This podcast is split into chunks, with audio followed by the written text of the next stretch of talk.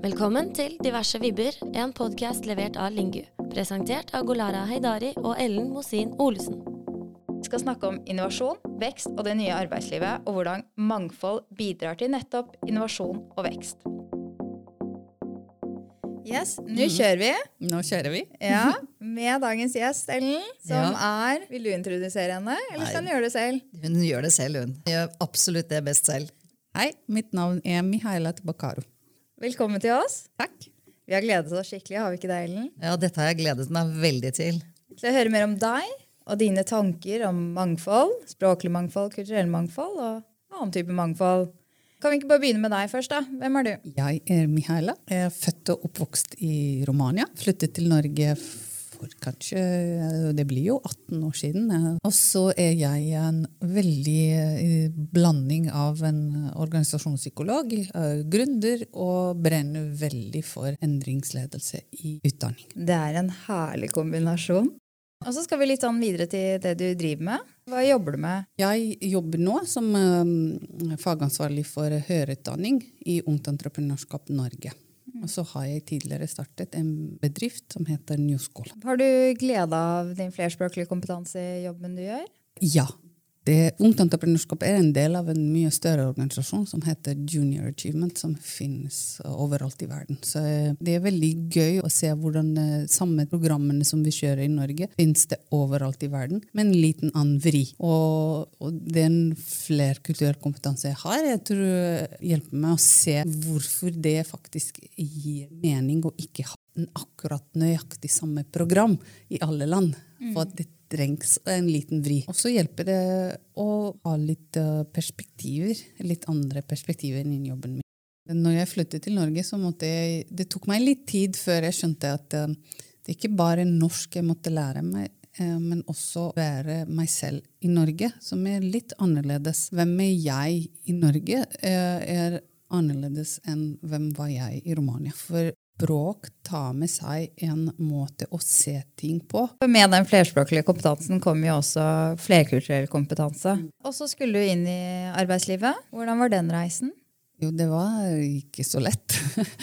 Men den første ordentlige jobben jeg hadde, var i en, en multinasjonal bedrift i Bergen, hvor jeg skulle være HR-rådgiver. Men egentlig min jobb var kulturell tolk, eh, for det var så mange rumenere eh, som jobbet der, som var ingeniører, og som trengte egentlig å tolke arbeidskulturen. De, de som ansatte meg, så sier jeg vi skjønner ikke hverandre. Og de tenkte det var bare språk. Men det var absolutt ikke språk. Det var måten man tenker på. hva er arbeidsoppgaver? Hva er det som sjefen, hvis sjefen sier gjør det til fredag, og jeg ikke gjør det til fredag, og så kommer på mandag og leverer den, er det greit? Eller er det ikke greit? Så er det sånne små nyanser eh, om hva er det som er greit og ikke greit å gjøre på arbeidsplass. Hvor, hvor, når skal jeg si fra, når skal jeg ikke si fra, for jeg mister ansikt. Altså, veldig mye. Og så det var der var det en skikkelig dypdykk inn i hva er det norsk arbeidskultur var for meg. Det er jo en del ledere som hører på podkasten vår. Hva slags råd vil du gi til de som da ikke har en organisasjonspsykolog som deg, som går inn og, og, og kan bygge og, og jobbe med arbeidslivskulturen? Det er eneste råd som jeg kan gi, sånn at ta deg tid til å skjønne hva de andre vil, rett og slett. Og hvordan de forstår de samme begrepene som du bruker.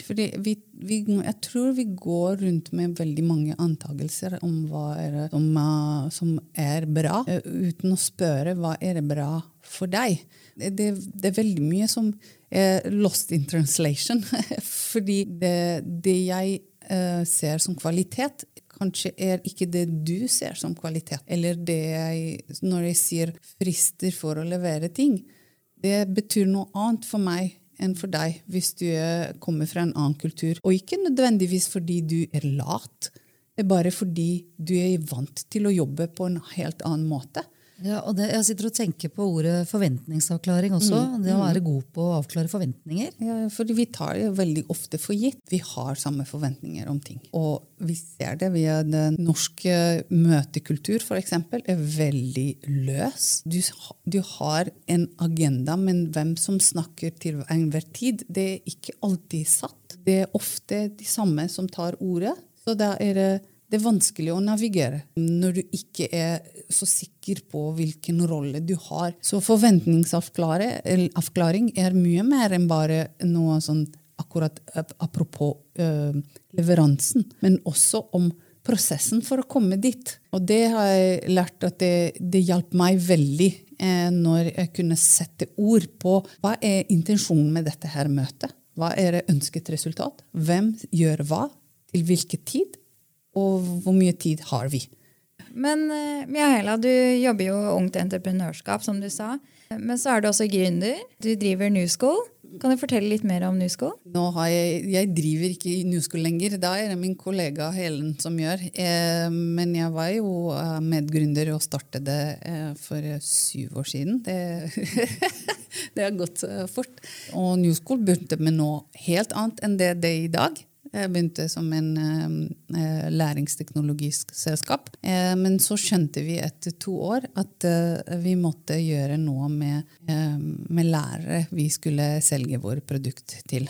Og det å gi slipp trollen på et klasserom, det er veldig vanskelig for en lærer for iallfall Jeg vet ikke så mye i Norge, men i andre land så er det kjempevanskelig. Han er vant til en, en rolle om å ha den kunnskapen som uh, elevene trenger. Det er bare å levere den. Eh, mens uh, dagens lærer må være mye mer i en fasilitatorrolle det er, det er, ikke den rollen de lærer på lærerskolen. Så det vi endte opp å gjøre, er at vi tilbyr kurs for lærere for endringsledelse og veldig mye personlig utvikling for å kunne stå i den usikkerheten som en fasilitatorrolle krever. Og dere gjør det i flere land i Europa? Ja, vi er basert i, det, i Oslo, men det, de fleste av våre av lærere som kommer på kurs, er fra Portugal til eh, Romania, eh, Slovakia,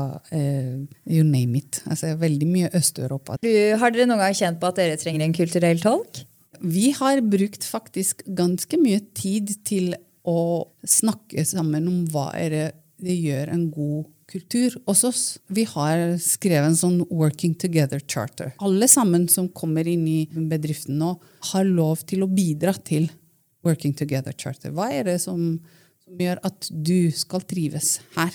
Eh, som eh, Hva er det du har lyst til å bidra med? Eh, vi har brukt en god del tid til å skrive den sammen. Men vi snakker jo om mangfold. Vi snakker om språklig mangfold, kulturell mm. mangfold. Hvorfor mangfold? Hvorfor er mangfold viktig å tenke på for ledere?